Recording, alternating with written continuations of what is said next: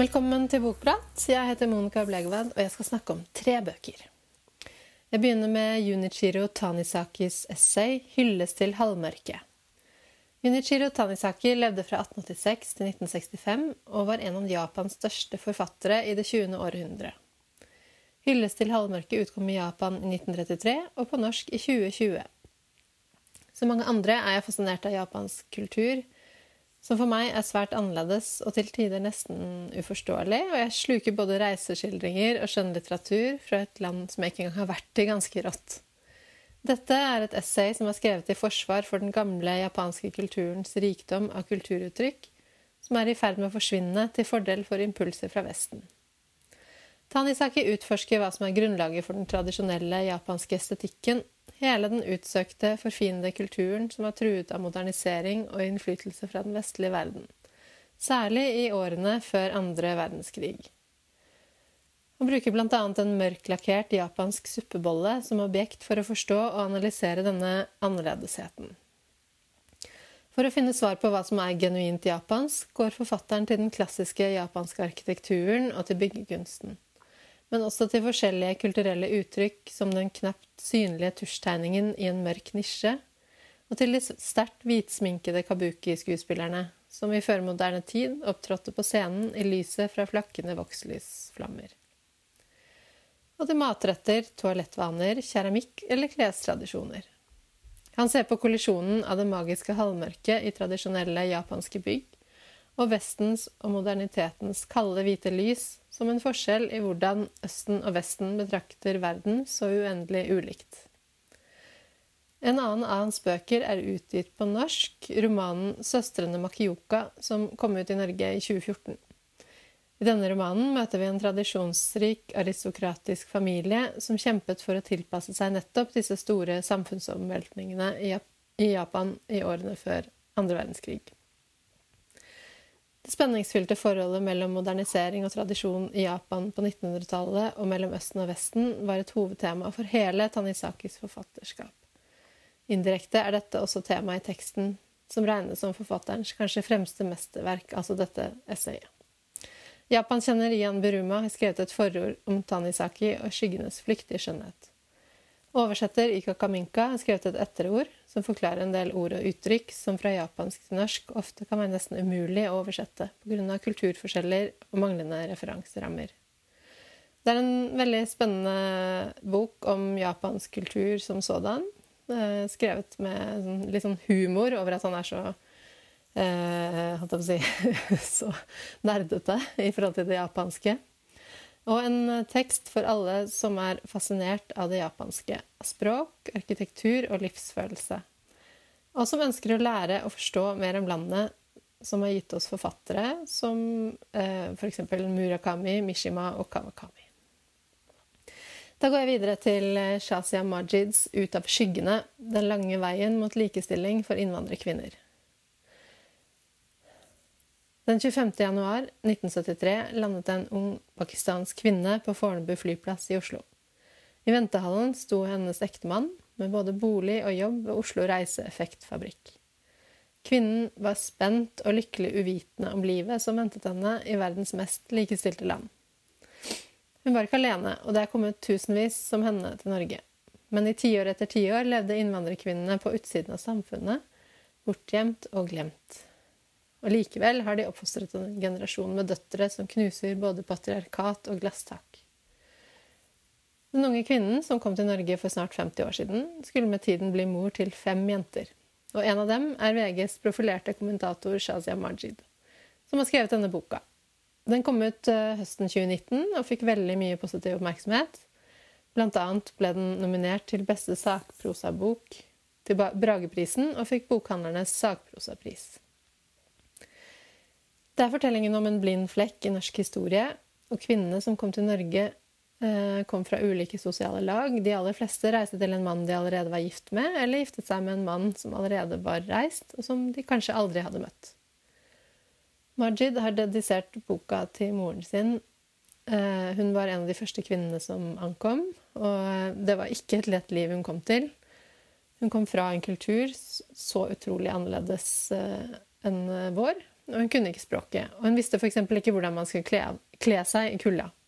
Og hun kjente ingen. Og det hun reiste fra, var rikdom eh, av sosiale relasjoner som hun aldri fikk igjen.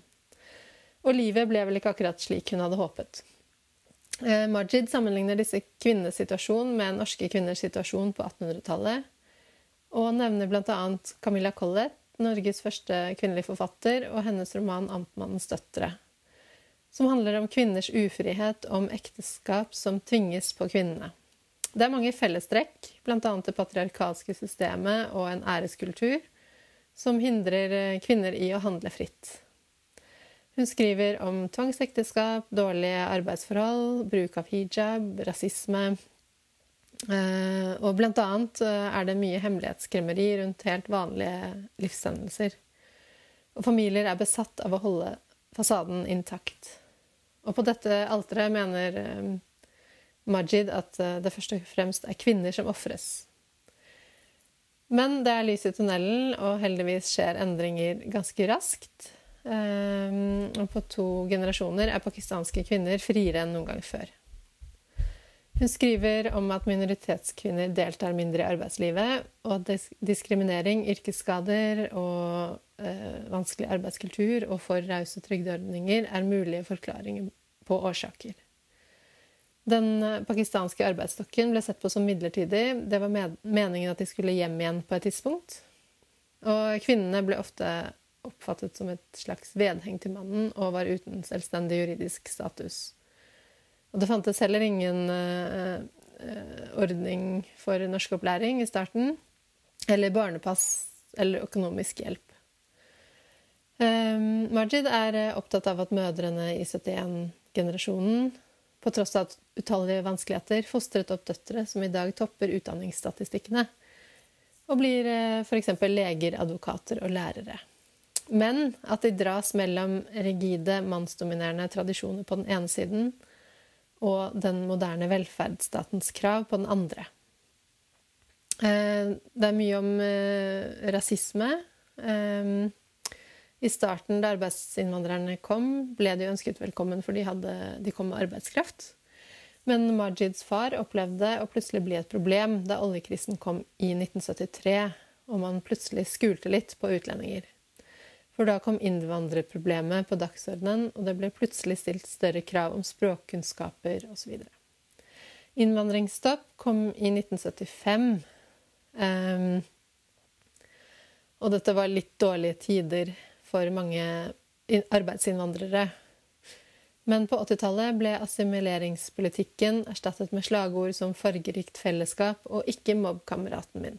Det var en god utvikling. Um, dette er eh, boka for deg som vil lære mer om det flerkulturelle Norge og om en glemt del av norgeshistorien. Eh, og jeg syns den er skildret på en veldig god måte, med en balansert miks mellom forskning, historier fra pressen og personlige anekdoter. Den siste boka jeg skal snakke litt om, er Malin C.M. Rønnings debutroman 'Skabelon'. Skabelon er en fortelling om en familie på ti som bor i et slitent hus langt ute i skogen. Og dette er en familie som ikke fungerer særlig bra. Moren sliter med å ta ansvar for de barna hun får. Eh, og de eldste søsknene må ta mye ansvar for de mindre. Det er lite kjærlighet, det er lite kommunikasjon, og det er lite mat. De eldre søsknene går på skole inne i byen, og de minste eh, stabber rundt i huset eller i hagen og eh, stort sett for seg selv. Faren er eh, tømmerhogger og er ofte borte i lange perioder av gangen. Når han kommer innom av og til, sover han i en gammel buss utenfor huset. Eh, moren drikker kaffe og røyker på kjøkkenet, tar lange bad når som helst på døgnet eller ligger under dyna på sofaen. Eh, morfaren er en truende skikkelse som plutselig dukker opp Eh, og et besøk hos mormoren er alt annet enn hyggelig. Vi blir kjent med Urd, som er den tredje yngste i søskenflokken. Hun er vel rundt fem år da bokas handling starter.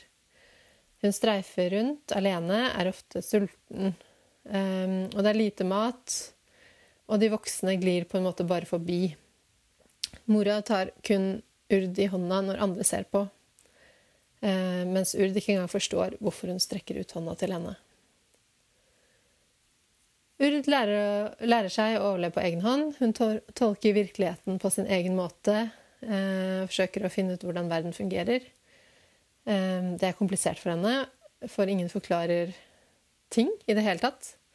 Og det blir enda vanskeligere og enda mer ensomt når hun begynner på skolen, og både barn og voksne der syns at hun er merkelig.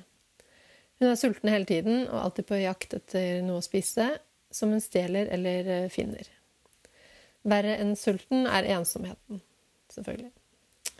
Barna vokser opp og eh, forsvinner ut av hjemmet ett etter ett når de er i stand til det. Og for Urd, som ikke blir forklart noe eller forberedt på dette, Eh, kommer det som en stor og uventet sorg eh, over dette som hun ikke visste skulle skje. Hun er selv for liten til å dra foreløpig, men takler det ved å skrive ned tingene som forsvinner i skriveboka si, én for én. Selv om det er lite kommunikasjon mellom familiemedlemmene, tar søsknene vare på, seg, uh, tar vare på hverandre så godt de kan. Og får hverandre på sykehus når det trengs, eller forteller uh, noe som har hendt, eh, for å forklare, f.eks. For eksempel. det er den eneste tryggheten hun har, men den oppløses når de eneste som kan beskytte henne, forsvinner. Eh, og den første som flytter, er storebroren Ask. Huset de bor i, går langsomt i oppløsning. Det er noe som gnager på innmatende veggene. Ting som forsvinner fra alle rom. Og skogen kommer på en måte nærmere. Men skogen er ikke bare mørk og truende, den er også noe som bare er. Og en slags trøst og et sted hvor man kan gjemme seg. Det er en veldig rå skildring av en familie som har utrolig lite. Um, og vi ser hele tiden det som skjer, gjennom Urds øyne. Uh, og det er en utrolig fascinerende og vondvakker roman. Eh, les den hvis du liker å lese om den menneskelige psyken og lære om et annet slags liv enn det de fleste lever i vår moderne verden. Da takker jeg for meg. Ha det bra.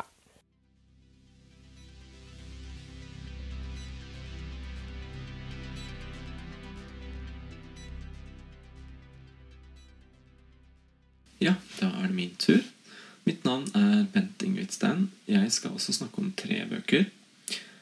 Eh, en sakprosabok, en diktsamling og en roman. Jeg skal begynne i en litt dyster ende av historien, egentlig. Eh, vi skal til USA, og tittelen på denne sakprosautgivelsen er 'Menn vi høstet' av den amerikanske forfatteren Jasmine Ward. Det er en biografisk uh, uh, utgivelse. Uh, hun har også gitt ut tre romaner tidligere, hvorav to er oversatt til norsk. 'Det som reddes kan' og 'Syng, gravløse, syng'. Hun vant National Book Award i hjemlandet for begge disse to. Og hun er eneste kvinne og eneste afroamerikanske person som har vunnet denne prisen to ganger. Men vi høstet er et varmt, eh, men dystert portrett av de korte livene til fem unge, svarte menn. En av disse var hennes egen lillebror, Joshua, som døde da han ble påkjørt av en fyllekjører. Eh, alle disse fem døde altså i en periode på fire år på, slutt, nei, på begynnelsen av 2000-tallet. Tittelen til boka er hentet fra et sitat av Harriet Tubman. Hun var opprinnelig slave som klarte å rømme, og ble etter hvert en politisk aktivist som også hjalp andre slaver med å rømme på 1800-tallet. Eh, jeg vil lese hele det sitatet denne tittelen er hentet fra, fordi det er eh, fint og trist og veldig beskrivende. Vi så det lynte, og det var våpnene. Så hørte vi torden, og det var de tunge våpnene. Så hørte vi regnet falle, og det var blodet som falt. Og da vi kom for å berge inn avlingen, var det døde menn vi høstet. Og dette er jo da på mange måter beskrivende for historien til svarte eh, befolkningen i USA. Eh, denne boken er gitt ut i 2013 opprinnelig, eh, oversatt til norsk i 2020. Vi skal til småbyene utenfor New Orleans. Uh, Jasmine Ward er født i California, men begge foreldrene var fra Mississippi. Så familien flyttet tilbake til byen Delisle da hun var tre år. Hun hadde tre søsken. En oppvekst preget av fattigdom og hyppig flytting. De bodde bl.a. en periode i det trange huset til bestemoren sammen med en rekke onkler og tanter og mange av søskenbarna hennes. Eh, hun har i det hele tatt mye slekt og mange søskenbarn rundt i distriktet. Hun var den første i sin familie som fikk en utdannelse eh, som ble betalt av eh, arbeidsgiveren til moren. Og språket i boka er røft og litt upolert. Eh, godt tilpasset materiale, for det er en rå virkelighet vi blir utsatt for her. Eh, det er eh, vold, og det er narkotika, både bruk og salg. Eh, de har dårlige jobber, hvis de i det hele tatt har en jobb. Og det er i det hele tatt en beskrivelse av hvordan dette svarte samfunnet blir dårlig behandlet av storsamfunnet. Og uh, Hun begynte å skrive boken som et sorgarbeid, og hun beskriver jo også hvordan hun selv ofte ruset seg på ulike måter for å glemme den virkeligheten som var eh, rundt henne. Uh, det er i det hele tatt en sterk historie om unge mennesker som mister venner i ung alder. Kvinner som blir enker eh, i ung alder, og små barn som mister fedrene sine. Og Jasmine Ward beskriver også hvordan dette er noe som har forplantet seg gjennom generasjoner, som har gjennomgått det samme. Hun skriver vi arver disse tingene som avler fortvilelse og selvhat. Og hun spør seg også gjennom boken hva er meningen med all den døden rundt henne.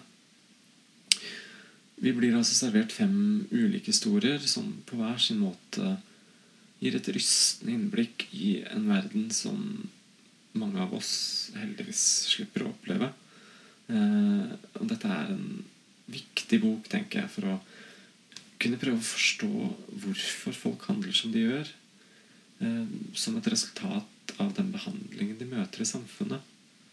Og eh, fattigdom, kriminalitet, dop Det er faktorer som er uløselig knyttet til hverandre, og hvordan eh, storsamfunnet behandler enkelte grupper av mennesker, i dette konkrete tilfellet da svarte mennesker i USA. Neste bok er en diktsamling som heter 'Inventarium', eh, skrevet av Pedro Carmona Alvarez.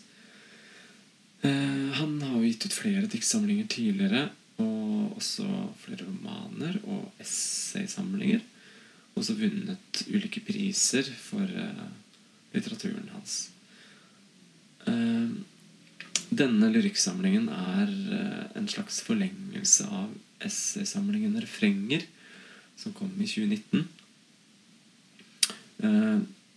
det var jo da en samling som tok utgangspunkt i hans egen historie som flyktning. Eh, der han beskrev selve reisen eh, fra Chile via Buenos Aires eh, og hvordan det endte opp Kolbotn. Han var elleve år og hadde jo allerede lært seg å kjenne chilenske tradisjoner og mm, kulturen der, med musikk og litteratur og språk. Og det, refrenger er, er, i det hele tatt eh, en stor beskrivelse av følelsene knyttet til flyktninglivet og det å skulle leve i to forskjellige verdener eh, og lære seg et nytt språk og en ny kultur, samtidig som man også eh, vil prøve å holde på det gamle kulturen som man har vokst opp med. Eh, og dette er da som sagt en forlengelse av den essaysamlingen. Eh, det er mye beskrivelser av minner her, og slektskap, og vi blir kjent med det som vi etter hvert forstår er en jente, og moren hennes og slektningene hennes. Og det er mye landskapsbeskrivelser. Fine landskapsbeskrivelser. Eh, men også mye dysterhet i dette landskapet. Det er et slags dødens landskap. Og den historien eh, som, Altså fortellingen som flyter gjennom hele veien her, eh, er egentlig historien om et liv, eller egentlig mange liv, flettet sammen. Det er bygd på eh, felles erfaringer. Og det er jo lett å tolke inn forfatterens egne erfaringer her, med barndom livet som flyktning, alt det chilenske. Men dette er jo også mye mer. Det er en større historie om eh, det latinamerikanske diktaturet med alt det førte med seg av vold og tortur. Og folk som forsvinner, og eh, det er eh, på mange måter gjenkjennelig Carmona Alvaresk i språket. Jeg føler liksom at han har sitt eget språk. Det er et vakkert språk, eh, selv i all elendigheten. Eh, jeg syns han fanger veldig mange følelser i metaforene sine. Og hvis jeg skulle forsøke å si det på en slags poetisk måte selv, så kan jeg si at jeg får liksom en følelse av en elv som renner og flyter strømmende gjennom diktene, med små avstikker hit og dit som på en måte henter inn små biter av de ulike livene og erfaringene de har. Um, jeg skal lese et uh, av diktene. I drømmen ser jeg en mørkhåret gutt. Han er min venn. Det er slutten av sommeren. Han drar av gårde og kommer ikke tilbake igjen. Den høsten står pulten hans tom, helt til det kommer en ny jente i klassen. Dette er mitt dikt. Jeg kaller jenta Marisol. For alle må jo ha et navn. Fortellingen stopper opp om alle bare heter hva som helst, eller ingenting. Hvordan skal vi da kunne finne gravene? Jeg syns dette er et veldig sårt, selvfølgelig, eh, dikt, men det beskriver også mye av eh, handlingene her med folk som forsvinner, og hvordan man på en måte kanskje nesten blir vant til at det er hverdagen. Så Inventarium en vakker og selvfølgelig veldig trist eh, lyriksamling, men den fortjener absolutt å bli lest av mange.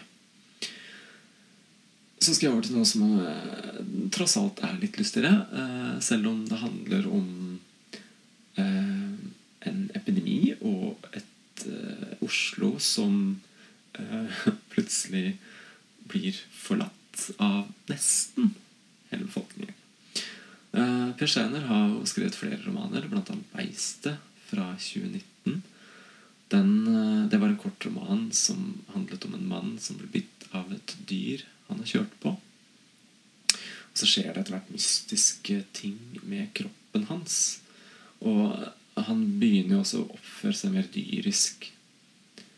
Eh, Schreiner var også en av tekstforfatterne bak TV-serien 'Kampen for tilværelsen', som gikk på NRK for noen år siden.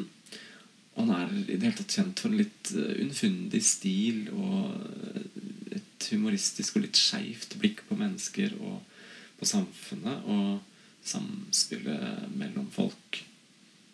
Denne boka, 'Jeger og sankere', den handler om Viktor. Han har ikke vært ute på mange år. Han bor i en leilighet i Oslo, og moren kommer med mat til ham to ganger i uken. Han tilbringer dagene stort sett i sengen eller foran en skjerm. Men så en dag er det plutselig helt stille utenfor. Han sjekker telefonen sin, og så ser han at moren har ringt eh, flere ganger. Han prøver å ringe tilbake, men får ikke noe svar.